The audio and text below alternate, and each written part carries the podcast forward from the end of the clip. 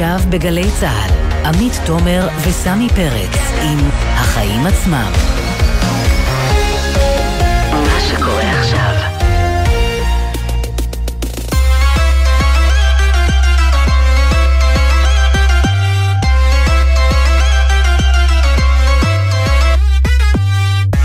עכשיו, שש וארבע דקות, אתם על החיים עצמם, התוכנית הכלכלית-חברתית של גלי צה"ל. אני עמית תומר, ולצידי סמי פרץ. סמי, מה העניינים? אה, האמת בסדר גמור, המבצע בעזה הסתיים, אפשר סוף סוף לחזור לשגרה, ועכשיו רק צריך להתחיל לפצות את כל העובדים והעסקים שנפגעו בסבב הזה, וכשזה מתנגש גם עם תקופת בחירות, יש לי תחושה שהפעם הפיצויים יהיו נדיבים ויגיעו בזמן. גם לי, אז על זה נדבר תכף עם שר החקלאות עודד פורר מישראל ביתנו, שהיה בישיבה בשדרות עם שר האוצר. הוא יספר לנו מה קרה שם ומתי, אם וכאשר, בעלי העסקים יראו את הכסף בבנק. בנוסף לזה נרד לשטח ונבין מה המצב בשדרות העוטף, בשדות העוטף, סליחה, אחרי החששות הרבים שעלו כאן בתוכנית אה, אתמול, ממש נחזור לאותו חקלאי אה, שדיברנו איתו, אתם דיברתם איתו, נראה איך הוא נשמע היום כשהדברים לכאורה חזרו לשגרה. כן, ומישהו חושש שאולי אין כסף כדי לפצות את מי שנפגע, שיירגע, הכל בסדר, אנחנו נעסוק בהכנסות המדינה שממשיכות להכות את התחזיות. עם עודף הכנסות של, עמית תקשיבי, 34 מיליארד שקלים ביחס לתחזיות המוקדמות. אז אם יש לכם רעיונות מה לעשות עם הכסף הזה, תישארו איתנו, כי בדיוק על זה אנחנו נדבר כאן. ועוד בתוכנית, משרד הבריאות מנסה לעשות סדר בים הפרסומות של קופות החולים שמציפות את המסך. האם בין בכלל גורמות לנו לעבור מקופה לקופה? הימור שלך? אה, ההימור שלי שלא, כי אני לא עברתי קופה אה, אף פעם, נדבר על זה בהמשך. נבין אם אה, אדיר מילר והטורטלים, אלו שנהנים מזה, שעל המסכים שלנו כפרזנטורים כבר בכוננות ספיגה, או שעוד מוקדם לקצץ בתקציבים ולהיפרד מהם. ונסיים עם הגרלות דירה בהנחה, שהסתיימו היום בהודעות לזוכים המאושרים. יש גם הרבה שנשארו בחוץ, אבל נדבר עם זוג שדווקא זכה לשם שינוי. כן, פעם אנחנו נדבר עם מישהו שלא זכה ונשאר בחוץ. אז אה, טוב, יש לנו הרבה מאוד דברים בשעה הזאת. עמית, כותרת שלך? הכותרת שלי שקרב הורדות הידיים בין שופרסל לדיפלומט הסתיים כשידה של רשת המזון הגדולה בישראל על העליונה. נזכיר את הפרקים הקודמים. דיפלומט מבקשת להעלות מחירי שורה של מוצריה, טונה סטארקיס, שוקולד מילקה ועוד. בעקבות המחאה החברתית שמתעוררת, שופרסל אומרת לא במאות סניפינו, הולכות אחריה בהתחלה רשתות מזון נוספות, ודיפלומט בסוף מסכימה לתת מבצעים עד אחרי החגים למי שיסכים למחירון המעודכן.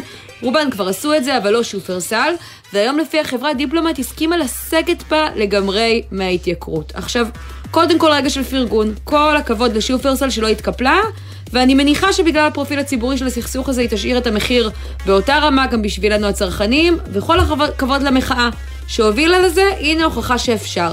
ובכל זאת אני להיות קצת קצת חמוצה. שוק המזון הוא לא רק הרשתות הגדולות, שאחת ניצחה והשאר התקפלו, הוא גם הרבה מאוד מקולות, ושאר שחקנים קטנים שלא קיבלו מדיפלומט שום הוזלה ושום מבצע מראש, והמהלך הזה רק מגדיל את הפער עכשיו בין המחיר הגם ככה יותר נמוך ששופרסל לרוב משלמת לבינם, ומאחר ששוק המזון בישראל הוא ריכוזי, אם היא תישאר פה לבד זה יכול גם להתהפך עלינו. אז אני לא אומרת שאנחנו שם, אני רק אומרת שמבחינתי זה לא סוף הסיפור הזה של ההתייקרויות. לא סוף על הסיפור, ופה צריך להגיד באמת על גורם נוסף, הציבור. אם הציבור לא עומד על המשמר, כלי התקשורת, כל מי שעוסק בזה, אין שום סיבה ששופרסל תכופף את ידה של דיפלומט ושל שחקנים אחרים, מה שאומר שאנחנו לא יכולים להירדם בשמירה. יקר לנו, נמחות.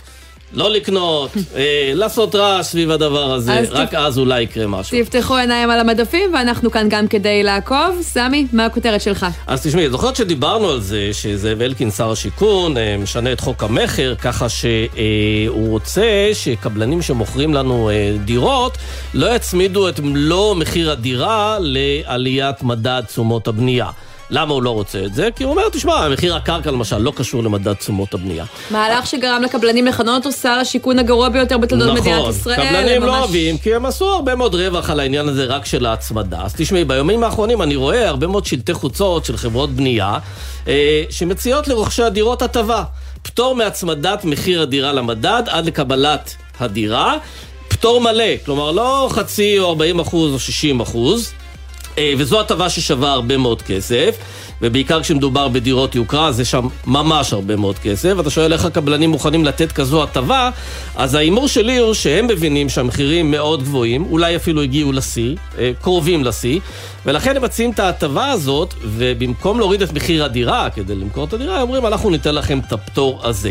ואז השאלה, אם הם יכולים לעשות את זה, מדוע ששאר הקבלנים אה, שמוכרים דירות אולי קצת יותר זולות, לא יוותרו על ההצמדה הזאת. אני חושב שזה פה, שוב, זה קשור בקונים, אם הם יתעקשו, לא ימהרו לקנות דירה. אה, גם הם יקבלו את ההטבה הזאת של פטור מהצמדה למדד. אני חושב שהגענו לאיזה נקודת פיק, או שאנחנו מאוד קרובים אליה במחירי הדירות. אין לי מה להגיד על זה חוץ מאמן. כן, בדיוק. נתחיל? נתחיל.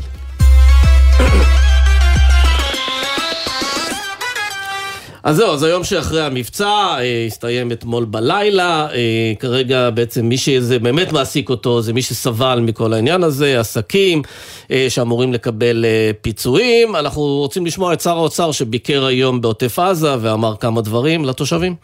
ניתן פיצוי מלא מיום ראשון על שכר עבודה. כל אלו שלא הצליחו להגיע למקום עבודה, גם כשמורחק 40 קילומטר, לא רק שבעה, יקבלו פיצוי מלא. אני חייבת כן. להגיד לך שאני לא זוכרת דבר כזה, אני אפילו זוכרת איך בשומר החומות, עד שהפיצוי הורחב, רק בחלק מהמקרים ל-40 הקילומטרים, איזו מחאה הייתה בכנסת, בוועדות, ופה, כעבור יום, אחרי uh, מבצע קצר, אומרים, פותחים את הארנק, מה שנקרא. כן, פותחים את הארנק גם כי יש כסף בקופה, גם כנראה כי יש בחירות, ואת השאלה הזו בוא נפנה לשר החקלאות ופיתוח הכפר, עודד פורר, שלום. שלום רב. איש ישראל ביתנו, אתה השתתפת בישיבה המיוחדת הזו אה, בשדרות. אז אה, קודם כל, מה סוכם? איך יעבוד מנגנון הפיצוי? אה, בוא נאמר שלושת המ"מים, מי, מה ומתי יקבלו את הכסף. תראה, היעד שלנו קודם כל שזה יהיה כמה שיותר מהר. אני חושב שבאמת אין שום טעם בלייצר פיצוי שיגיע כעבור שנה. אנשים נפגעו פה, אה, קיבלו אה, הנחיות אה, החל מתחילת אוגוסט, בהתחלה זה היה חלק מהדרכים ומקומות שפחות היה נוח לצאת מהם, אחר כך כמובן האירוע שלשמחתנו גם היה, היה אירוע קצר, אז אנחנו נמדדים גם ביכולת שלנו להחזיר חזרה לאזרחים שעמדו בחזית.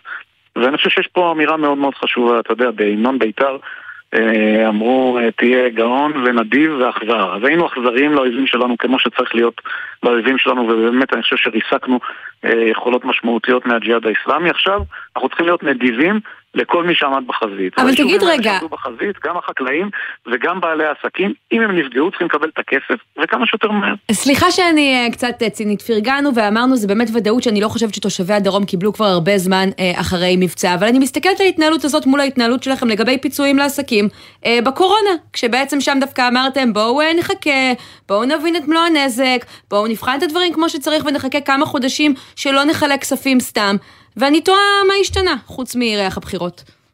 היה הבדל משמעותי בין האירועים שהיו בגל האחרון של הקורונה, שהיה גל מאוד מאוד מינימליסטי. להזכירך, לא הוכרז סגר על מדינת ישראל, לא הוטלו מגבלות על ידי הממשלה. אני חושב שהממשלה הזאת, גם את הגל הזה, למרות כל הביקורת, ניהלה באחריות גדולה, ואת רואה את זה גם בתוצאות של המשק. אז אמרנו, מאחר והמשק לא סגור, אני אפילו עוד לא יודע מי נפגע, אז כשאני יודע מי נפגע, Mm. אף אחד לא יישאר ללא סיוע, אמרנו את זה, וגם עמדנו בזה, ונתנו אה, אה, בתהליך הזה סיוע שהוא סיוע מאוד מאוד נדיב. כאן ברור לחלוטין שהוטלו הגבלות על ידי, הממש... על... ידי הממשלה. מרגע שהממשלה מטילה מגבלות, היא צריכה גם לתת את הביטחון גם לאזרחים וגם לבעלי עסקים ואת הוודאות שהם יקבלו פיצוי. עשינו את זה, גם אני בגזרה שלי כ... אה, אגב, יכול להיות שגם העובדה שמדובר במבצע בסך הכל ממש קצרצר, אה, רובו נפל על סוף השבוע, זה מצמצם כמובן את לא, היקף הפיצוי. אז אם מדובר בסכום קטן, אז יאללה, בוא נגמור עם זה, זה המדיניות. לא, זה לא שאלה, זאת לא שאלה של סכום, זאת שאלה קודם כל של עקרונות, והעיקרון אומר מאוד פשוט. אם הממשלה מטילה מגבלות, וברור שהיא מטילה מגבלות, היא צריכה גם לדעת לשים בצידן את הפיצוי או את הסיוע כדי שהעסקים לא יקרסו וכדי שהאזורים האלה ימשיכו לפרוח. אני... השאלה אבל יש פה גם לא הפקת רגע, לקחים. ממקרים קודמים, כי אתמול דיברנו עם ליאור אשורוב, הוא בעל מסעדת אה, סושי בשדרות, והוא אמר לגבי שומר החומות, הוא אומר, אני לא יודע איך הולך החישוב שלהם, אבל בשומר החומו- החומות הם לא כיסו אפילו חצי ממה שזרקתי, הסחורה שהוא זרק, הם אפילו לא היו מוכנים לשמוע. אתה ראית שיש איזה מערך של הפקת לקחים במשרד האוצר, שיודע לתת מענה לבעיות שבעבר אה, באמת כל כך אה, פגעו באותם תושבים? חד משמעית יש הפקת לקחים, וגם יש כאן אה, מדיניות ברורה שהדרג המדיני מנחה. אנחנו היום בדיון הזה, יחד אה, עם שר האוצר ואיתי, השתתף גם יושב ראש ועדת הכספים, חבר הכנסת קושניר, והשתתפו גם מנהל רשות המיסים, הממונה על התקציבים, והחשב הכללי, בדיוק כדי לפתור את הבעיות האלה כבר במקום און דה ספוז, מה שנקרא, חבר'ה תרדו לשטח. רשות המיסים, אני חייב לומר גם ולציין פה בלי שום קשר, הגיעו מיידית ופתרו הרבה מאוד בעיות, כבר ביקרו בלא מעט אה, אתרים שנפגעו, והנקודה שלנו היא מאוד מאוד ברורה, כי אנחנו רוצים לראות את הדרום פורח זה חלק מהניצחון. צריך לזכור שבלי שום קשר למבצע הזה, רק בחודש האחרון עוד 700 משפחות חדשות עברו לעיר שדרות, וממשלת ישראל ומדינת ישראל ומשרד האוצר כבר הקצו תקציב ותוספת תקציב בסדר גודל של כ-700 מיליון שקל עוד לפני המבצע, אם זה המשך סלילת כביש 33 ו-232, וגם אני, איך שהוכרזו המגבלות, הודעתי כשר פיתוח נגב גליל, יהיה תקציב להפוגות לילדים אה, בעוטף שנפגעו מהמגבלות האלה, כדי שהם יוכלו לעבור את חופשת הקיץ. יש כאן עניין ברור, מדיניות שהיא מדיניות של ממשלה אומרת, אני מטילה מגבלות, אני מסייעת, אם אין מגבלות, אני כמובן כן. יכול לקחת ולבחון את זה גם לאחר מכן. יש לכם הערכה תקציבית כמה כל הפיצוי הזה אה, יעלה? לא, אני לא יכול להגיד לך היום כמה כל הפיצוי יעלה, אני עוד לא יודע כמה הפגיעה, זה ברור לחלוטין שבאמת לשמחתנו מדובר על תקופה שהיא תקופה מאוד מאוד קצרה. יחד עם זאת, זאת גם אה, אה, השעה והעת לתקן את כל הליקויים שגילינו שקיימים לאורך שנים מבחינת אה, אה, הזנחה שלא נעשו. יגיע בקרוב, אני מקווה עד אה, ראש השנה תיקון להחלטה 566 שתיתן גם מענים לכל מיני דברים, כמו למשל מיגוניות במתקנים אה, חקלאיים, אם זה רפתות, אם זה לולים. היה לזה תקציב שכבר הכלנו והצבנו מיגוניות בשנה האחרונה. צריך להציב עוד מיגוניות, צריך להמשיך לעשות את הפעילות הזאת ולתקצב את זה. אני חושב שבאמת יש פה הרבה מאוד... רגע, ניצלתם את כל התקציב ש... הקיים שהוקצה לדבר הזה, שגיליתם פער כן, בין כמה שתכננתם אה, לבנות לא. למה שקרה בפועל? הצבנו, הצבנו מיגוניות, התקציב הזה נוצל, צריך לייצר עוד תקציב. אז מאיפה יגיע עוד תקציב בתקופת ממשלת מעבר? זה משהו שאפשר לייצר? אני חושב שבמסגרת החלטת 566 ותיקון להחלטה הזאת שצריך להגיע ונכון שהוא גם יגיע זה לא קשור עכשיו לממשלת מעבר או לא יש דברים שחייבים להתבצע בוודאי באזור שחווה ונמצא גם בסיכון שאנחנו רואים שהוא סיכון אה, מתמיד הדבר הטוב ביותר שקרה מהמבצע הזה שחשוב להגיד שבאמת גם לא נתנו לארגון הטרור לקבוע את סדר היום, וגם אנחנו מייצרים מצב שלהערכתי ייצר לנו הרבה מאוד שקט קדימה, ייתן לנו פרק כן, זמן ארוך. זה עוד אנחנו נחכה ונראה, אבל אני רוצה לשאול אותך על העניין של עודפי ההכנסות. עוד משפט, כן. עוד משפט, מה שזה נותן לי פרק הזמן שאני מצפה שהוא יהיה ארוך יותר, להתמקד במנופים כלכליים. אנחנו צריכים שהאזורים האלה יעמדו על הרגליים בלי סיוע ממשלתי, את זה עושים עם מנופים כלכליים והשקעה שבאה עכשיו. אתם פניתם לייעוץ המשפטי לממשלה, אבל כדי לבנות עוד אה, מיגוניות עוד לפני הבחירות, בעקבות המבצע הזה, ואולי החשש מהבאים בחודשים קרובים? תראי, כשתגיע עכשיו, יגיע תיקון החלטת ממשלה. אנחנו התחלנו כבר עבודת מטה גם במשרד החקלאות, גם במשרדי הממשלה הנוספים, כדי לגבש את כל הנושאים שצריכים להיכנס לתוך החלטת ממשלה. החלטת ממשלה כמובן היא מלווה על ידי היועצים המשפטיים וכל גורמי המקצוע. ובהחלטת הממשלה באים הדברים שברור לחלוטין שהם דחופים. יש אה, אה, נושאים שבהם לא מחכים. ממשלת מעבר היא לא ממשלה שלא יכולה לבצע. אז זהו, אז בעניין הזה אני רוצה לשאול אותך, ראינו שיושב ראש האופוזיציה, בנימין נתניהו, ניסה להשיק בשבוע שעבר קמפיין כלכלי להורדת יוקר מחיה. יש לכם תשובות לקמפיין כזה בתקופה כזו? אתה לא מרגיש שידיכם קשורות ערב בחירות ואתם לא באמת יכולים להשתמש בעודפי ההכנסות ביחס לתחזיות שיש בתקציב המדינה? תראה, קודם כל הקמפיין הכלכלי שהשיק נתניהו, אתה יודע, גם אם יהיו לו 120 מנדטים, הוא לא יישם אותו מהסיבה הפשוטה שהוא בעצמו יודע שהוא הציג שם שורה של צעדים פופוליסטיים שהם לא נכונים כלכלית. לא נכון כלכלית, למשל, לתת לכולם באופן גורף אה, אה, פעוטונים בחינם, אלא אם שני בני הזוג יוצאים לעבודה, אבל כששני בני הזוג לא יוצאים לעבודה, אה, זה משרת אה, אוכלוסייה מסוימת שאולי ברמה הפופוליסטית הוא ניסה, אה, אה, ניסה לייצר שם אה, דאגה. אבל אתה מסכים איתו שצריך אולי. להשתמש בחלק מהסכום עכשיו, העודף שהצטבר בקופה, גם אם לא בכולו? עודף, עודף שמצטבר, צריך להבין, גם מבחינת חוק. חוק התקציב קובע מגבלת הוצאה. נתניהו שהיה שר אוצר בוודאי יודע את זה, אבל זה כמובן הנתונים לא מעניינים אותו. אין שום בעיה לזרוק, לזרוק סיסמאות. כשיש מגבלת הוצאה, כל העודפים שנוצרו אמורים ללכת לכיסוי ההתחייבויות, ולצערי מדינת ישראל באמת משלמת הרבה מאוד סכומים אבל תסכים איתי שלמשל תשלומי המע"מ עלו, מכיוון שהמחירים עלו וזה עניין יחסי, כלומר אנחנו משלמים יותר נכון, מיסים בגלל האינפלציה.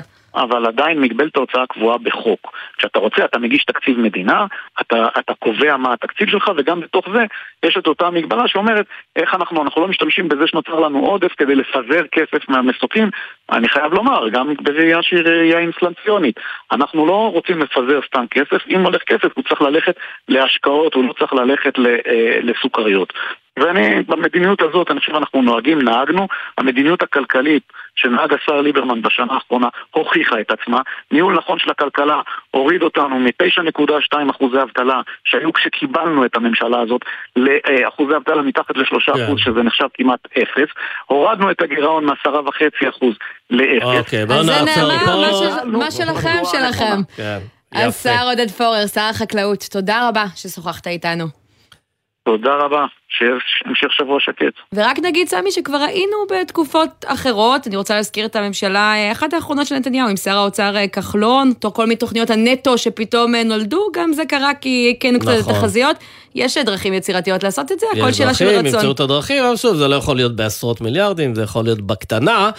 תשמעי, אתמול שוחחנו פה עם עופר ליברמן, שהוא מנהל תחום החקלאות בקיבוץ ניר-עם. מגדלים שם אבוקדו, בננות וכולי.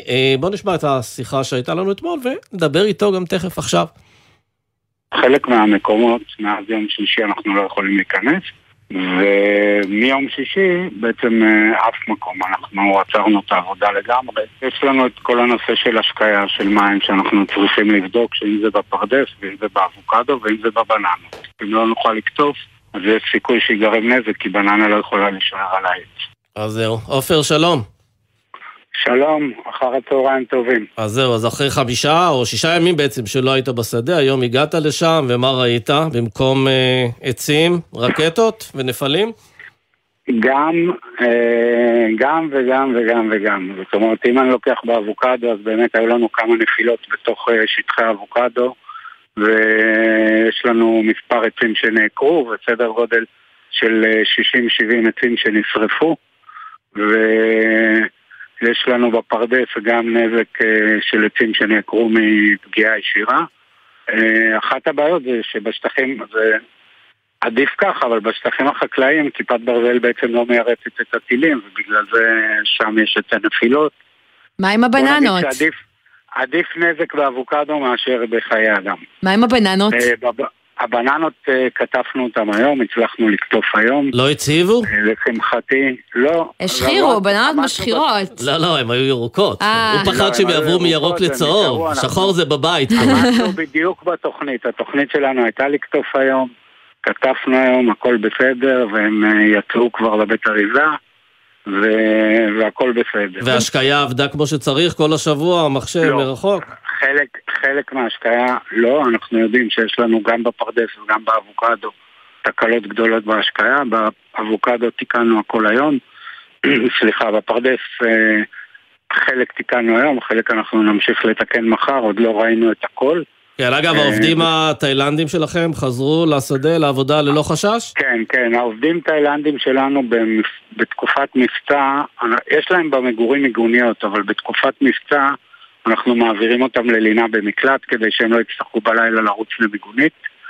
אה, פה במועצה אתמול העבירו להם גם אה, הדרכה בתאילנדית בזום על כל המצב, ולשמחתי הם בסדר גמור והם מרגישים חלק מהעסק ו...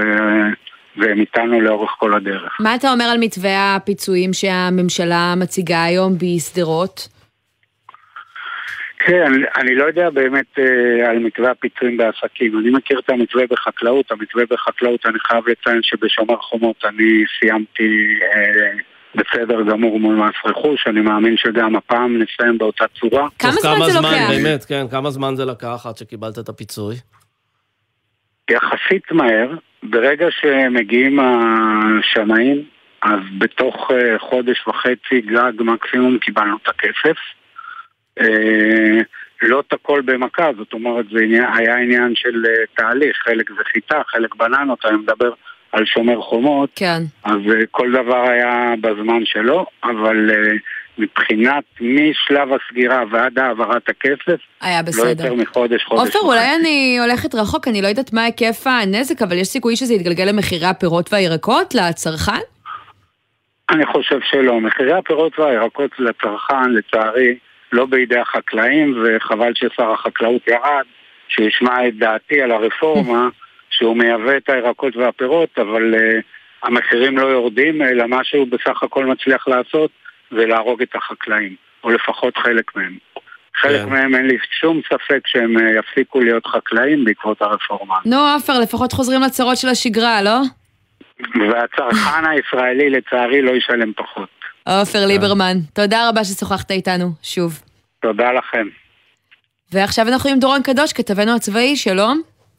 שלום עמית, שלום סמי. מה שבעצם הכריע את הכף אה, במבצע הזה וגם הוביל אה, אולי לקיצור שלו, להפסקת האש הדי מהירה, זה אישורי הפועלים הפלסטינים. תסביר לנו קודם כל אה, בקצרה את השינוי. כן, תראו, קודם כל בשנה האחרונה אנחנו רואים הגדלה משמעותית מאוד של מספרי הפועלים שנכנסים לישראל מרצועת עזה, זה המדיניות האזרחית המרחיבה שנוקט בה שר הביטחון גנץ מאז מבצע שומר החומות. איך זה עובד? הם נכנסים בבוקר וחוזרים בערב לעזה, או שהם באים ולנים כאן? זה תלוי איפה הם בדיוק עובדים, אלה שעובדים אה, יותר קרוב באזור העוטף, אה, לרוב נכנסים באמת באותו יום וגם חוזרים לעזה באותו יום, אבל רובם, אפילו רובם הגדול, בגלל שהם גם עובדים במקומות רחוקים יותר, וגם כל הפרוצדורה הזאת של אה, להיכנס דרך המעבר ולצאת דרך המעבר, זה די, די מתיש צריך להגיד, כן. אז רובם פשוט נכנסים לארץ ביום ראשון וחוזרים חזרה ביום חמישי. ובמה הם עובדים? הם... באיזה עבודות? חקלאות? בנייה? בדיוק, שני הענפים האלה, שני הסקטורים האלה, גם בניין וגם חקלאות, אה, הם הסקטורים שבהם עובדים הפועלים בעזה. יותר בניין, אבל אני דווקא מבין שבתקופה האחרונה גם מספר העובדים בחקלאות גדל, ככה שאנחנו כמעט נמצאים על חצי-חצי בשני הסקטורים האלה. כן, אז כשמסכמים במערכת הביטחון את ההיבט הזה של, ה, של השיקולים, בוא נאמר, של חמאס, אם כן להיכנס למערכה הזו או לא, אה, איזה משקל נותנים, אה, נותנים לנושא הזה? אנחנו עשינו חישוב פה שזה מביא איזה הכנסה של משהו כמו 100 מיליון שקל אה, בחודש, כאילו, להכנסה של, ה, של עובדי, העובדים בעזה, יותר ממיליארד שקל בשנה, זה סכום מהותי לרצועה. כן, קודם כל זה מספרים באמת גדולים מאוד, תראה, אם אה, כל פועל ממוצע כזה מרוויח ליום 400 שקל בערך, אה, וזה משכורת יומית, לעומת אה, מה שהוא היה מרוויח בעזה, המשכורת הממוצעת ליום בעזה זה 60 שקל. אם אנחנו רוצים רגע לדבר על המשכורת החודשית, אז בעזה פועל ממוצע מרוויח 1,200 שקל בחודש, ובישראל הם יכולים להגיע למשכורות של 6,500, 7,000 שקל, יש אפילו כאלה שמרוויחים יותר מזה.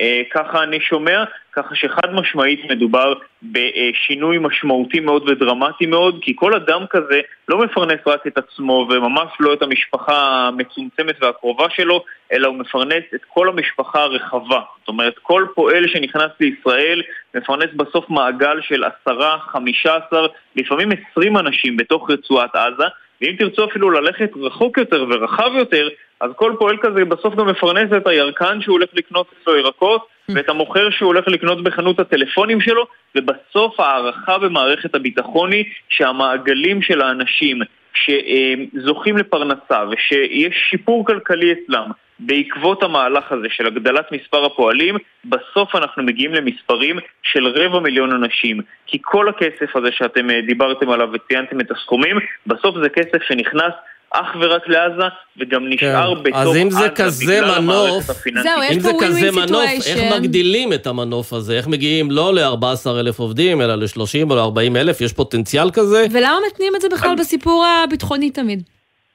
אז, אז תראו, קודם כל, אמ, ברמה הביטחונית זה עניין מורכב. צריכים לוודא שכל אדם כזה שנכנס לישראל, אה, אין לו אה, עבר של עיסוק בטרור, הוא לא קשור בצורה כלשהי לאחד מארגוני הטרור ברצועה, וגם בודקים שבתוך המשפחה שלו, אפילו המשפחה הרחבה שלו, אין איזושהי מעורבות בטרור. זאת אומרת, זו בדיקה שהיא ממש בדיקה פרטנית שהשב"כ מבצע פועל פועל. וכמובן שלשב"כ יש יכולת מוגבלת, והוא לא יכול לבדוק כן. עשרות אלפים תראה, האמת שראינו בעבר אנשים שנכנסים לעבוד ועושים פיגועים, אמנם מעטים, אבל היו גם כאלה, ולכן אני מניח שעושים את זה ככה אה, נכון, די בחשש. אגב, אבל יש כרגע תוכנית אופרטיבית להגדיל את זה, או שבעקבות המבצע הזה? כן, אז כרגע אה, הממשלה אישרה הגדלה ל-20 אלף, רק צריך להגיד שה-20 אלף האלה עדיין לא ממומשים.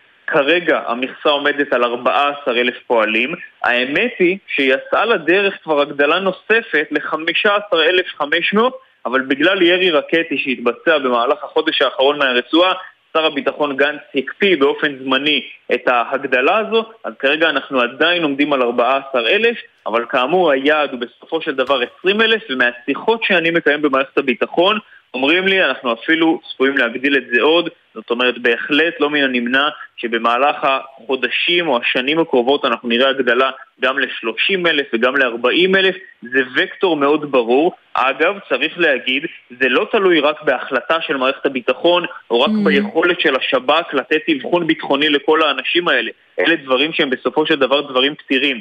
צריך לזכור שבסוף כל הפועלים עוברים דרך מעבר ארז שנמצא כן. בצפון הרצועה. יש רק מעבר אחד שהם יכולים לעבור בו, ובסוף כשעוברים כמויות כאלה של אלפים כל יום או כל יום ראשון, המעבר מוגבל בגודל שלו, ביכולת שלו לאכלס אנשים. לא רוצים לייצר צוואר בקבוק מטורף עם תורים ענקיים, כי בסוף זה מאבד את כל המטרה. אז יש תוכנית למערכת הביטחון להרחיב ולהגדיל כן, את מעבר כן, אבל. זה ייקח זה... קצת יותר זמן, ולא בתגובה למשהו בדיוק, ספציפי. זה תוכניות פינוי, וזה מכרזים, זה הרבה מאוד עבוד. דורון קדוש, כתבנו הצבאי, תודה רבה. תודה לכם. עמית, אם היה לך 34 מיליארד שקלים ככה חופשיים לבזבוז, מה היית עושה? בגדים אני יודע שהיית קונה, בסדר. פנטהאוז, לא, יש לי שאיפות קצת יותר גדולות בחיים, סמי. לא תאמין. איזה פנטהאוז יפה, טוב, אז הדילמה כן. הזו ממש אה, מעיקה על ממשלת ישראל, שנאלצת להתמודד עם אה, באמת אה, הכנסות שהן הרבה יותר גדולות מהתחזיות. אנחנו רוצים לברר מה אפשר לעשות עם הכסף הזה, אם בכלל נכון לעשות עם זה עכשיו משהו. ואיתנו שניים, דוקטור מיכאל שראל, ראש פורום קהלת לכלכלה, שלום. שלום. וגם עמית בן צור, שהוא מנהל מכון יסודות בפורום ארלוזורוב. אפשר לקרוא לכם מישהו ממכון כלכלי ימני ומישהו ממכון כלכלי שמאלי. נפנה לכם את אותה שאלה. נפנה את השאלה, מה עושים עם הכסף? מה עושים עם 34 מיליארד שקלים? אה, בסדר. קודם מיכאל, כן, מיכאל, תתחיל. כן, אני אתחיל. אה, אני לא אענה מתוך נקודת אה, השקפה ימנית. אם הייתי, אם הייתי עונה מתוך נקודת השקפה, מה שאתם קוראים ימנית, אז הייתי אומר, ברור, צריך להוריד מיד 30 אה, מיליארד שקל במיסים. אבל אני לא אעשה את זה, כי אה, נראה לי שזה לא נכון לעשות את זה עכשיו. אה, א', הירידה הזאת בגירעון, אנחנו לא בטוחים אם היא זמנית או פרמננטית. כלומר, אם היא תימשך גם בשנים הבאות, או אם זו תופעה ייחודית שהיא זמנית, וכשהבועה שהייתה בחלק מהשווקים הפיננסיים, בהייטק, בשוק הנדל"ן אולי, אה, תתפוגג והפעילות תצטמצם, יכול להיות שאנחנו נראה ירידה בהכנסות ממיסים וגידול חזרה של הגירעון, ועדיין מוקדם לחגוג אה, ירידה פרמננטית בגירעון, ולכן אין שום היגיון לעשות את זה עכשיו. דבר שני, אה, הגיוני להרחיב, לעשות הרחבה פיסקלית, מה שנקרא, זאת אומרת, או הפחתת מיסים או הגדלת הוצאות ממשלה, כאשר המשק במצב שהוא זקוק להרחבה כזאת. זאת אומרת, או שהאבטלה מאוד גבוהה, או שהפעילות מסיבה אה, כזאת או אחרת אה, נמוכה מדי. וזה לא המצב כרגע. אנחנו נמצאים בדיוק במצב ההפוך. כן, לא, אבל מצד שני אנחנו גם יודעים שממשלת ישראל יחסית קמצנית בנושא של שירותים חברתיים, השיעור ההוצאה פה על שירותים חברתיים הוא לא גבוה בהשוואה ל-OECD, כן, והשאלה אם כן. צריך לעשות פה משהו, איזה קפיצת מדרגה בחינוך או בתשתיות, לא שווה לקחת את הכסף הזה ולהשתמש בו לשם כך? אה, אה, שוב, אם אנחנו מסתכלים על המצב הנוכחי, אז לא רק שאין לנו בעיה של אבטלה, כלומר אבטלה מאוד נמוכה, אלא יש, כן יש לנו בעיה של אינפלציה. יש לחצי אינפלציה.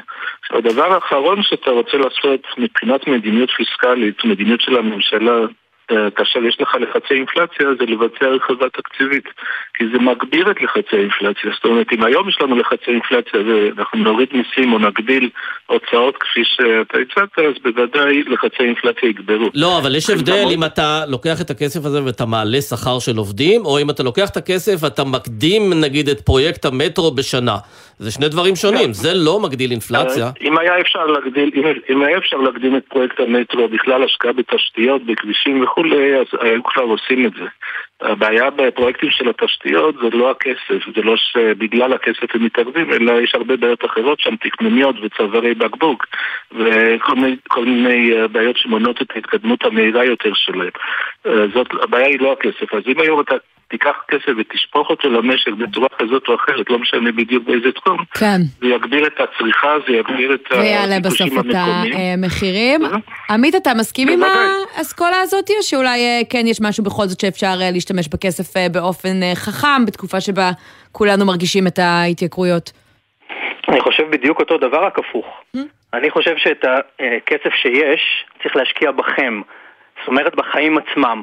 מדינת ישראל סוחבת על הגב שלה... אתה רוצה להעלות את אה, תקציב התוכנית? כי אנחנו נתמוך. למשל, למשל, למשל, אבל לא את הכל, כי נראה לי שלא תוכלו לבצע את הכל, כמו שמיכאל אמר, אבל אם נהיה רגע רציניים, למדינת ישראל יש גיבנת מאוד מאוד גדולה שהיא סוחבת הרבה מאוד שנים בתת השקעה בהרבה מאוד תחומים של תשתיות של הון אנושי, שבין השאר גורמים לזה שפריון העבודה שלנו נמוך מדי, אה, שיש אי שוויון גדול מדי, והעודפים האלה בהכנסות אה, שיש לנו עכשיו זו דוגמה אה, וצריך לזכור, לא מדובר במשהו חד פעמי, ואני רוצה רגע לתקן משהו שמיכאל אמר. אנחנו רגילים לשמוע שאי אפשר להשתמש בעודפים, וזה קורה לאורך הרבה מאוד שנים, כי הם חד פעמיים. אבל מה לא חד פעמי בהם? כשאנחנו בודקים, מסתכלים אחורה עשר שנים, אנחנו רואים שבכל שנה כמעט, באופן עקבי, יש לנו עודפים של משהו כמו 20 מיליארד שקל בכל שנה, כל פעם ממקורות אחרים. זאת אומרת שהעודפים האלה הופכים להיות קבועים, אומר, ולכן אפשר... בניכוי הקורונה אפשר לבנות על אה, יותר, אבל כמה אתה בלחץ, עמית, דווקא בתור מי שכן אה, בעד להוציא את הכסף בדרכים כאלו ואחרות, שעכשיו בתקופת אה, בחירות והבטחות בחירות, הכסף ילך למקומות פופוליסטיים. ממשלה לא יכולה להוציא עכשיו כסף בצורה פופוליסטית, כי פשוט יש מספיק שומרי סף שלא יאפשרו לה לעשות לא, את זה. אבל לא פופוליסטים. איך מבטיחים שמגדילים, שלוקחים את הכסף הזה, שמים אותו על מטרות שמניבות פירות, אם זה חינוך או תשתיות, בדיוק. זה, אבל לא, בוא ניתן עוד משכורות לעובדי השלטרים במקומות. ה, במקומות המונופוליסטים שישראל שולטת בהם. כן, אז, אז את ועדי השלטרים נשים רגע בצד, אני אשמח לדבר בהזדמנות אחרת. אה, כשלמדינה, לממשלה יש תוכנית השקעות ברורה, ובנק ישראל הציג לפני שלוש שנים תוכנית השקעות ברורה בהיקפים של להגיע, להגדיל את זה ב-3.2% מהתוצר, זאת אומרת אנחנו מדברים פה על עשרות מיליארדי שקלים, וסימן בדיוק את המקומות שבהם צריך לשים את זה, בתשתיות פיזיות, בחינוך, בהכשרות מקצועיות, בכל המקומות שיאפשרו לנו ולילדים שלנו בעוד חמש, עשר ועשרים שנה להיות במקום הרבה יותר טוב, שהכלכלה שלנו אה, תהיה הרבה יותר אה, אה, פורחת וצומחת ושכולם ייהנו ממנה. כן. זאת אומרת, התוכניות קיימות. הבעיה היא שבכל פעם שיש לנו עודפים של הכנסות, מה הממשלה עושה? מחזירה חובות, שלכאורה זה נשמע דבר מצוין. כולנו במשק הבית שלנו רוצים להחזיר חובות ולא להיות בחוב אלא להיות בעודף. אבל בסוף יש החובות האלה מגיעים אלינו. דוקטור שראל, במשפט אני רוצה לשמוע גם אותך בתור מי שככה היה מקורב לראש הממשלה אה, לשעבר אה, נפתלי אה, כן. בנט. אתה מודאג ממה שהממשלה הזאת בלעדיו עכשיו תעשה בתקופת בחירות עם הכסף הזה? א', אני תמיד מודאג ממה שהממשלה תעשה, בוודאי בתקופת בחירות, אבל אני רוצה לתקן את מה שעמית אמר, זה פשוט לא נכון. הממשלה לא הייתה בעודף, התקציב לא היה בעודף כמו שהוא אמר שנה אחרי שנה. כבר הרבה מאוד שנים לא היינו בעודף. לא, הוא התכוון בעודף מ-2007. ביחס לתחזית, לא התכוון בעודף. בדיוק. אבל, אבל זה לא מה שהוא אמר, זה לא מה שהוא אמר. אז הנה, שניכם מסכימים, וחברים, אנחנו חייבים לסיים אם היינו- ולצאת אם. היינו בעודפים, אז לא- לא היינו עכשיו בחוב ציבורי של טריליון שקל. כן, נכון. אתם יודעים איך קוראים לזה, צרות של השירים. דוקטור מיכאל שראל ועמית בן צור, תודה רבה לשניכם. ואנחנו יוצאים לכמה תשדירים, ותכף חוזרים עם עוד עניינים.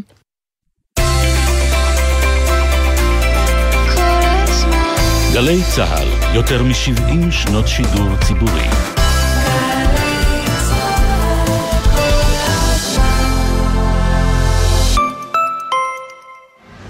חם לכם בחוץ? מרכז מהותי מזמין אתכם להיכנס פנימה ולהתבונן. מהותי, מרכז עם מגוון פעילויות להורים ולילדים.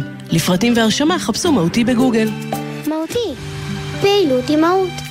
משרד התחבורה משיק את זהב קו, הכרטיס המאפשר נסיעה חופשית בתחבורה הציבורית מגיל 75. ומעכשיו יש דרך שווה להשיג זהב קו, ישירות בטלפון החכם, לעדכן את כרטיס הרב-קו האישי שלכם, או להזמין כרטיס עד הבית. אפשר לגשת לרשתות הפארם, לחנויות נבחרות ולעמדות על הקו. עד 18 באוגוסט תוכלו לנסוע חינם בהצגת תעודה מזהה בלבד. חפשו דרך שווה או התקשרו כוכבית 8787, משרד התחבורה. שלום, כאן ענבל מיד ושם. אני מזמינה אתכם להלך בחצרות בקעת הקהילות, לצפות ביצירות האומנות שנוצרו במסתור, לשמוע את הסיפורים האישיים, להתבונן בחפצים ובמסמכים ששרדו, לגלות את דרכי ההתמודדות של היהודים. אתם מוזמנים לביקור ביד ושם, הכניסה ללא תשלום. פרטים באתר ידושם.org. אירועי קיץ לכל המשפחה במוזיאון הישראלי במרכז יצחק רבין. מהומה במוזיאון, תעלומה קולית תיאטרלית בשילוב אוזניות. וגם מעלים את הראפ, סדנת ראפ לילדים בשילוב סיור מודרך. לפרטים ולרכישה, היכנסו לאתר מרכז יצחק רבין, או התקשרו כוכבית 4585. חדש בתיאטרון הקאמרי, החבדניקים, מחזמר חדש בהשתתפות טלי אורן, אוראל צברי, יניב סוויסה, דניאל סטיופין, עופרי ביטרמן, רפאל עבאס ושלומי קוריאט. החבדניקים, מחזמר חדש עם עשרות שחקנים, רקדנים וזמרים, ובליווי תזמורת המהפכה בניצוחו של רועי אופנהיים. החל ב-12 באוגוסט בתיאטרון הקאמרי. פרטים באתר התיאטרון.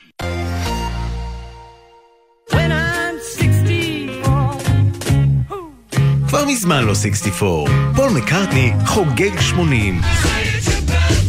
עמית קלדרון, בסדרת תוכניות על אחד היוצרים ששינו את עולם המוזיקה, עם פינות מיוחדות, ראיונות עם אומנים שהושפעו ממנו, ומיטב הלעיתים מ-60 שנות יצירה. חוגגים 80 לפול מקארטני. עכשיו, באתר וביישומון גלי צה"ל, ובכל מקום שאתם מאזינים להסכתים שלכם. עכשיו בגלי צה"ל, עמית תומר וסמי פרץ עם החיים עצמם. סמי, מתי בפעם האחרונה עברת קופת חולים? לא עברתי מעולם קופת חולים. האמת שגם אני, איפה שההורים שלי שמו אותי שם, נשארתי, עברו מאז איזה 30 שנה. אצלי אבל... עברו הרבה יותר. אבל קופות החולים מאוד מנסות שנעבור עליהם. למשל, בטח ראית את התשדיר הזה של מכבי עם אדיר מילר. שלום, מדבר הווארד, במה אני יכול לעזור? אני צריכה בבקשה לקבוע תור לרופא המשפחה שלי, כי אני רוצה לקבל אישור מחלה. אני יכולה לדבר בבקשה עם נציג שירות של מכבי? גברת, דון בעצבים. גם במאוחדת לא נשארו חייבים כשראו את הפרזנטור הזה, והביאו את הטוטלים. הרבה זמן מתנהל עלינו בית חרושת של שמועות. הם עוברים קופח, הם לא עוברים קופח. במה אנשים מתעסקים? אז כן, אנחנו עוברים קופח, והחלטנו לחגוג את זה. הרי את מאוחדת לי. יאה. אגב, יש כלל, ככל שהפרזנטור אהוב יותר, mm-hmm.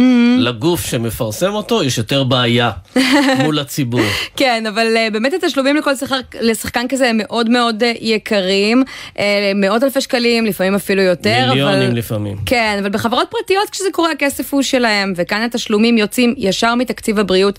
שכולנו משלמים עליו, אז עכשיו משרד הבריאות רוצה להדק את הפיקוח על השימוש בכסף הזה, וכדי להבין איך, נמצא איתנו על הקו ליאור ברק, סמנכ"ל קופות החולים במשרד הבריאות, שלום. שלום וברכה, ערב טוב. ערב טוב. אז אתם uh, הקמתם ועדה שנועדה לעשות סדר uh, בגימיקים השיווקיים האלו, אבל אני רואה שהשורה התחתונה, המסקנה שהגעתם אליה, זה בעצם כמעט לשלש את הסכום שניתן להוציא על הדברים האלו. תסביר לי את הפרדוקס הזה. לא, להפך, המסקנה היא אה, להפחית משמעותית את הסכום שמוצע היום אה, על תחומי הפרסום והמידע, כשהיום הוא נושק לבין 150 ל-180 מיליון שקלים בשנה, ואנחנו חושבים שכדאי אה, להחזיר אותו לממדים של כ-90 מיליון שקלים בשנה. לא, אבל אנחנו מבינים שהתקציב, תקציב הפרסום של קופות החולים, הוא סדר גודל של 37 מיליון שקל יחד לארבע הקופות. איך הגעת ל-150 עד 180? אז אני אסביר, אה, קופות חולים מוציאות על כמה וכמה דברים, חלק מזה דברים שנקראים פרסום, וחלק דברים שנקראים מידע על החבר או למבוטח. עכשיו, חלק גדול ממה שהקופות סיווגו בשנים האחרונות כמידע למבוטח, דה פקטו היה פרסום. כשקופה מפרסמת אה, בעיתון, אה, בעמוד אמצע של אחד העיתונים, לכאורה דברים שהם מידע למבוטח, כמובן שחלק גדול מהפרסום הזה מוגדר מבחינתנו כפרסום, שכן זה פונה לכלל המבוטחים ולא רק למבוטחי הקופה. עכשיו, הדבר הזה גם יוצר אצלנו אה, בעיה קשה באכיפה mm. של הדברים האלה. ולכן אנחנו, אחרי באמת תקנות שבנות קרוב ל-20 שנה, שלא רלוונטיות, נכתבו לפני 20 שנה, כשכל עולם הפרסום והשיווק והגישה למבוטח אה, והדרכים להגיע אליו ולתפוס את התשומת לב שלו היו אה, שונים לחלוטין ממה שאנחנו מכירים היום. אגב, עמדת אה, המוצא של משרד הבריאות זה לעודד אנשים לעבור מקופה לקופה? מבחינתכם זה דבר טוב שיש שיעורי מעבר גבוהים? התחרות בין קופות החולים היא אחד מהיתרונות הגדולים של מערכת הבריאות בישראל, של הקהילה. שירותי הרפואה בישראל הם מהמתקדמים בעולם, ראינו את זה גם בתקופת הקורונה ובכלל בהרבה מדדים שאנחנו מכירים. אם זה תוחלת חיים אה, במדדים שונים. אבל זה דבר טוב כשנותנים לי בעצם עוד שירותים רפואיים. אפילו אם מפרסמים בעיתון, נכון. כמו שאמרת, איזה שירות יש בקופה הזאת שאין באחרת ובשביל זה אני אעבור. אה, נכון, אני לא בטוחה שאדיר מילר והטורטלים זה גם אה, מה שפונה לציבור הרחב, בין הוא בקופת החולים ובין אם לא, זה ההוצאה הנכונה על הסכומים, על הדברים האלה. מה אתה חושב על זה? עצם התחרות בין הקופות באמת מעודדת אותם לפתח שירותים, לפתוח עוד בתי מרקחת, להוסיף עוד שעות רופא ועוד סניפים, וזו תחרות מבורכת שבאמת מוסיפה ומייעלת ומשפרת את השירותים למבוטחים כל הזמן. בסופו של דבר, כדי להשלים את התחרות הזאת, הקופות גם אמורות לפרסם את אותם שירותים שהם פותחים, את אותם רופאים ואת אותם, ואת אותם שעות אה, מרפאה נוספות שהם פותחים. השאלה אבל אם זה קורה בממדים... כן, השאלה אם זה קורה בממדים הנכונים, ובאמת הקופות משקיעות בשירות מעל ומעבר, או שהן אומרות אנחנו נשקיע בקוסמטיקה, כלומר בפרסום ובהייפ הזה שנוצר עם כל מיני סלבס. זו בדיוק המטרה של, שלשמה קם הצוות הזה, בעצם כדי לכוון את הקופות, להגיד רגע, מרבית השירותים וכספי הציבור, כמו שתיארת בהתחלה, צריכים להיות מושקעים בשיפור השירות, ואחוז קטן מאוד ממנו צריך להיות גם בפרסום אותם, אה, אותם דברים. ויש לכם אותם... מדדים כאלה? אה, דבר, משהו באמת שאפשר לכמת אותו לגבי שיפור השירות, יותר שעות רופא וכולי? כן, ודאי, אנחנו רואים את זה כל הזמן, אתה, אתה יכול לראות את היקף הסניפים של קופות החולים ואת היקף שעות הרפואה, שאגב גדלים גם כי האוכלוסייה שלנו גדלה. אומנם אה, יש, יש עוד הרבה לשפר ויש לנו מחסור בישראל, מחסור גדול ברופאים ומחסור גדול בעוד uh, שירותים שונים, אבל הקופות בוודאי מנסות uh, להשתפר. בעצם זה, כמו שאמרתם, שניכם לא עברתם קופה, אבל עצם העובדה שהקופה שלכם יודעת שמחר בבוקר אתם יכולים לעבור לקופה אחרת, גורם לה גם לנסות לשפר את השירות אליכם, גם אם זה בממשקים הדיגיטליים. ומה עם שיעורי המעבר, שיעורי המעבר השנתיים בין קופות החולים? יש לכם אינדיקציה לזה? ואולי גם לאותן קופות שמשתמשות בפרזנטורים. אני נגיד טועה כמה אנשים עברו למכבי בגלל אדיר מילר, או כמה עברו למאוחדת בגלל הטורטלים? אה, אני לא יודע להגיד כמה אנשים עברו בגלל אדיר מילר או בגלל הטורטלים. בסמיכות לקמפיין הזה היקר. שיעורי המעבר אה, בשנים האחרונות אה, נעים בין 2 ל-2.5 אחוזים מהמבוטחים כל שנה, כש... קשה להגיד כמה כל קמפיין משפיע, אבל בסופו של דבר קופת החולים רוצה לתפוס את תשומת הלב שלך, לפעמים גם בשביל שתעבור קופה. אני חושב פחות ממי שעובר בנק, נכון סמי? לא, לא, זה די דומה לשיעורי המעבר בין בנקים, ואתה יודע להגיד מהי הסיבה שאנשים אה, עוברים קופת חולים? חלק גדול מהמעברים זה מעברים שהם אה, בגין אה, בני משפחה, למשל כשאתה מתחתן או כשלבן הזוג או כשנולד לבני הזוג ילד ונוח מאוד להיות באותו קופה, הרבה פעמים זה בגלל מעבר מקום מגורים, אתה עובר ליישוב או לרחוב שבו יש סניף של קופת חולים אחרת אה, צמוד לבית שלך ואתה מחליט לעבור ולפעמים, ולא מעט מקרים, גם אתה עובר בגלל שאיכות השירות, כי שמעת מחבר לעבודה שהקופה השנייה נותנת שירות מצוין ואתה רוצה, אה, אתה רוצה לעבור לאותה כן. קופה. אנחנו. כן רואים הרבה פעמים, אבל אני שמה רגע את הפרזנטורים אה, בצד, אה, מאמצי שיווק אגרסיביים של אה, קופות אה, חולים, שנויים במחלוקת, אה, ואתם מתייחסים לזה גם במסקנות שלכם, למשל אה, הפעלת אה, מוקדי אה, שירות שככה מוציאים הרבה מאוד אה, שיחות יוצאות, הרבה פעמים גם מוציאים הטבות לפי סקטור מסוים, מגזר מסוים. האם ההמלצות שלכם אה, מתייחסות גם לאיך עוצרים את התופעה הזאת? נכון, ההמלצות גם מתייחסות אה, לדבר הזה. קודם כל בענייני המוקדי שיווק, את צודקת, אנחנו אה, חשבנו שנכון יותר לסווג את זה לפי מידת האקטיביות של המבוטח. כשאת כמבוטחת תרצי לעבור לקופת החולים, תרימי טלפון לקופת חולים אחרת, תשמעי איזה שירותים יש לה, ואת זה אנחנו בוודאי לא מגבילים. אנחנו חושבים שנכון שקופת החולים שאליה את רוצה לעבור תיתן לך. את כל המידע, איזה רופאים וכולי. מתי שאנחנו כן מגבילים זה מתי שהקופה היא האקטיבית בפנייה אלייך. ופה כבר זה יוזמה של הקופה, ולכן אנחנו חושבים שזה צריך להיות מוגבל אה, ב- בתוך אותם סכומים אה, שקבע. אגב, תוך כמה זמן אני עובר, אם אני עכשיו מחליט אה, לעבור לקופה אחרת, תוך כמה זמן זה קורה, ועד כמה קופת החולים שלי צריכה לשתף פעולה ולהעביר את כל התיק הרפואי? קודם כל הכל תלוי בך, יש אה, שישה מועדים שאפשר לעבור בשנה, עד 15 אה, בכל חודש אי זוגי נסגרים המעברים בין קופות חולים, זה נכנס לתוקף עד חודש אחר כך. אה, וקופת החולים מחויבת להעביר אה, את כל המידע הרלוונטי, אי אפשר היום עדיין להעביר את כל התיק הרפואי, כאן מערכות המידע עדיין שונות, וזה דברים שבמשרד הבריאות היום משקיעים המון המון כסף בשביל אה, לאפשר העברת מידע דיגיטלית, אבל כן. חלק המידע העיקרי בוודאי חייב לעבור איתך לקופת חולים השנייה. טוב, לא נראה לי שלפי הסטטיסטיקה יותר מדי מעברים זו הבעיה שלנו, נקווה שההמלצות שלכם יגרמו גם לכסף הלא רב שיש למערכת הבריאות באופן אה, יחסי להגיע למקומות אה, נכונים אה, יותר. ליאור ברק, תודה רבה שדיברת איתנו. תודה לכם וערב טוב.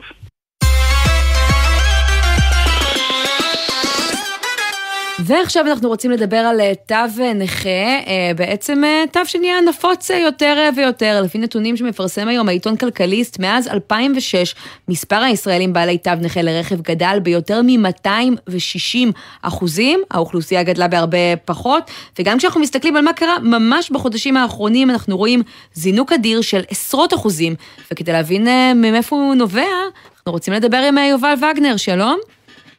שלום, שלום. יושב ראש עמותת אה, נגישות אה, ישראל, וגם לך בעצם יש תו נכה, אתה מתנייד בכיסא גלגלים, נכון? אמת. מה אתה אומר על התופעה הזאתי, קודם כל, ואיך אתה מסביר אותה, את הזינוק הזה? האם מספר הנכים אה. גדל כל כך יש יותר בחודשים נכים או האחרונים? יותר תווים? כן, או ש... יש, הרבה יותר, תראו, זו שערורייה ברמת, המטור, פשוט רמה מטורללת, ואנחנו ממש דורשים שמשרד התחבורה יחקור את העניין הזה. אבל ה- ממה שאנחנו אה, רואים זה שפשוט אה, התחמנים והמאכערים אה, זיהו פה פרצה ודרך איך אפשר לתת לאלו, בעצם לכל מי שרוצה תו אה, נכה. רגע, אז תסביר לי את הפרצה, הפר- בדיוק. אנחנו- או, הפרצה לא היא כי בו- אנחנו רוצים להיכנס לפרצה הזו, רוצים להבין מהי. הפרצה היא, יש, אז זה מתחיל מזה שהקריטריונים לקבלת תו נכה לא ידועים. נתחיל בזה. עכשיו, כדי לבקש תו נכה, כל אחד יכול להיכנס לאינטרנט ולהגיש מסמכים אה, רפואיים ושונים, ומה שקורה, המאכערים מגישים את זה עבור האנשים, והם כבר יודעים בדיוק מה לרשום כדי שזה יעבור, ובנוסף, אם זה לא עובר, הם שולחים מכתב של עורכי דין. משרד התחבורה מצד שני, הוא לא ערוך ליכולת הזאתי לבדוק אה, את, את כל הבקשות. אה, הגוף שמטפל בזה זה ב- על ידי מכרז של רופאים שמטפלים בזה, שיש להם מעט מאוד זמן לבדוק כל בקשה.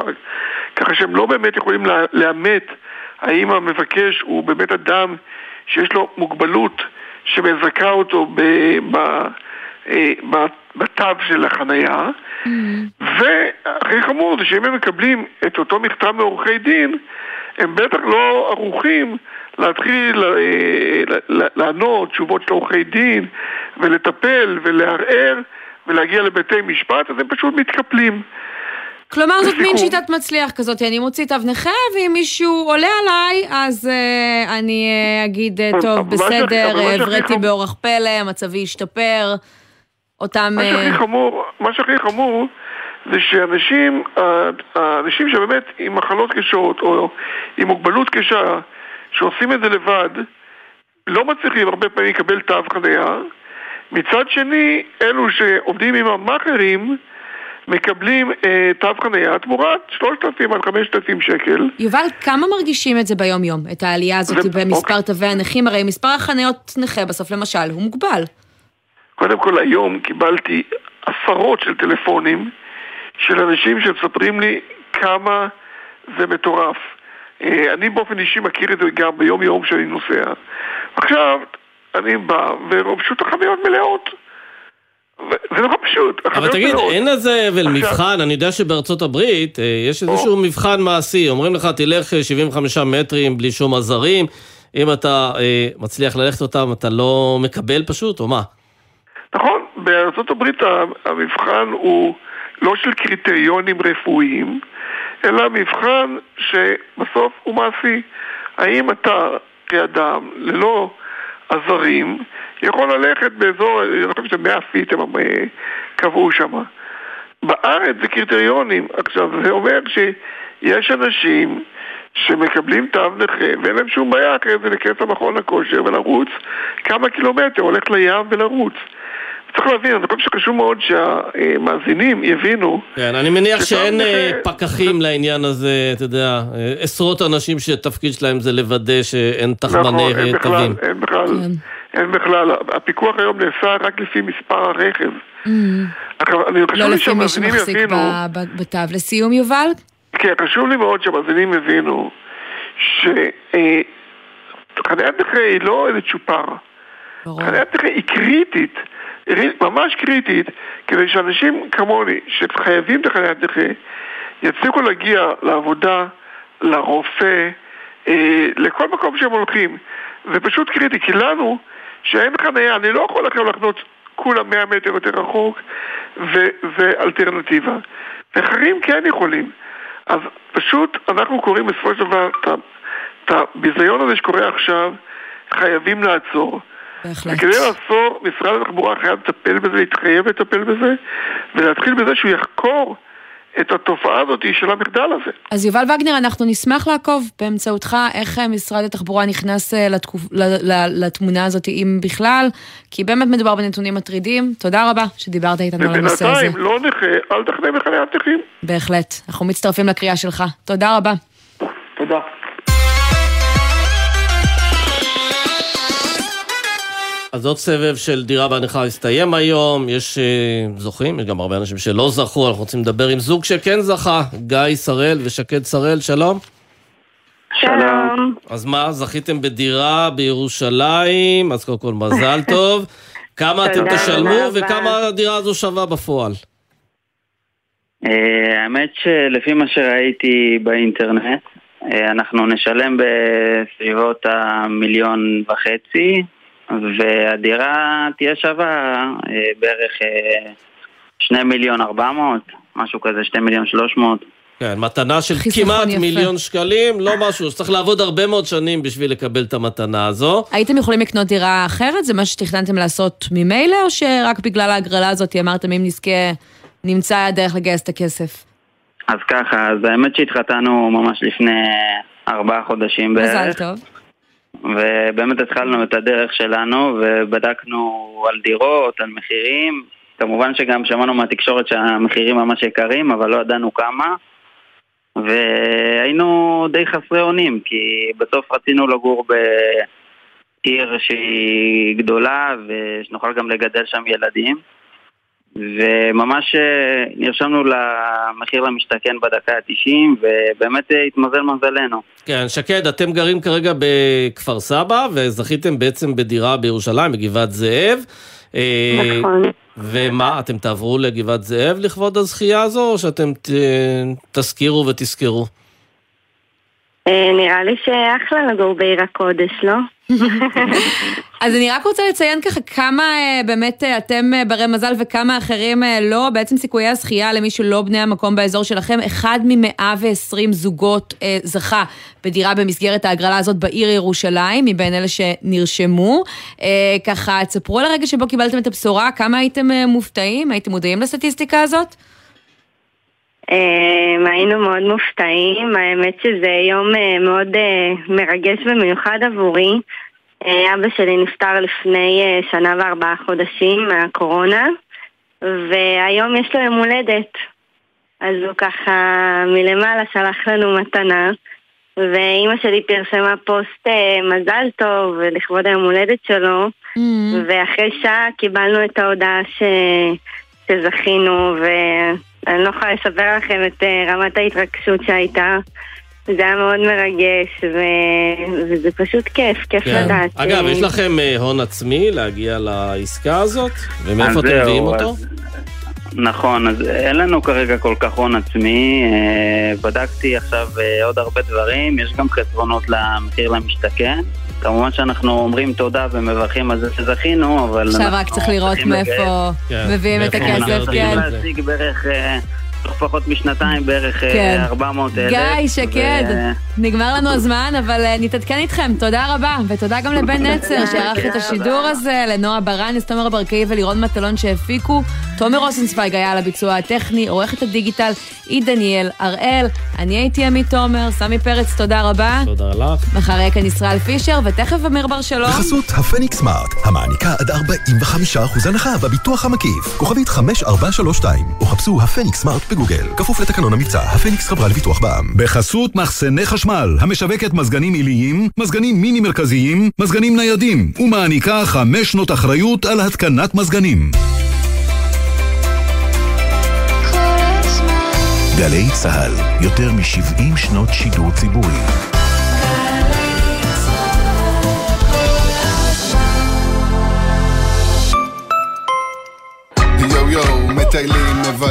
מטיילים, מבלים. חופשים בירושלים, בבוקר מטיילים, בלילה מבלים. פרטים ב-iTravelJerusalem.com אתם שם ברחוב הכלנית 3, עם הבריכה הביתית. כן, הבריכה הקטנה הכחולה. הילד שלכם נכנס למים בלי שתרגישו. אנחנו לא יכולים להיות בכל בית להשגיח. בקיץ הזה כולנו מצילים חיים ומונעים את האסון הבא של טביעת פעוט. מה עושים? בריכות קטנות מרוקנים, בריכות קבועות מגדרים ומשגיחים מקרוב כל הזמן, במיוחד במים. אל תורידו מהם את העיניים. למידע מציל חיים חפשו התוכנית הלאומית לבטיחות ילדים.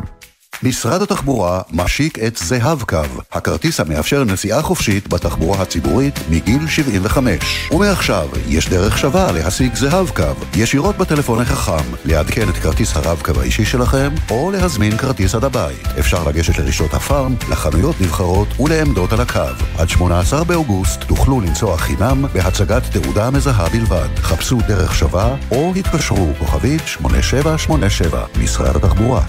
בין קריית שמונה לירושלים יש כ-20 גלידריות, והן 20 הזדמנויות להרגיע את הילדים המשתוללים מאחור מבלי להסתכן שמישהו יפגע בכם חלילה. אז בנסיעה הבאה אל תעצרו בשולי הכביש ואל תסכנו את החיים שלכם וחיי ילדיכם. הרלב"ד מחויבים לאנשים שבדרך. מיד אחרי החדשות, אמיר בר שלום.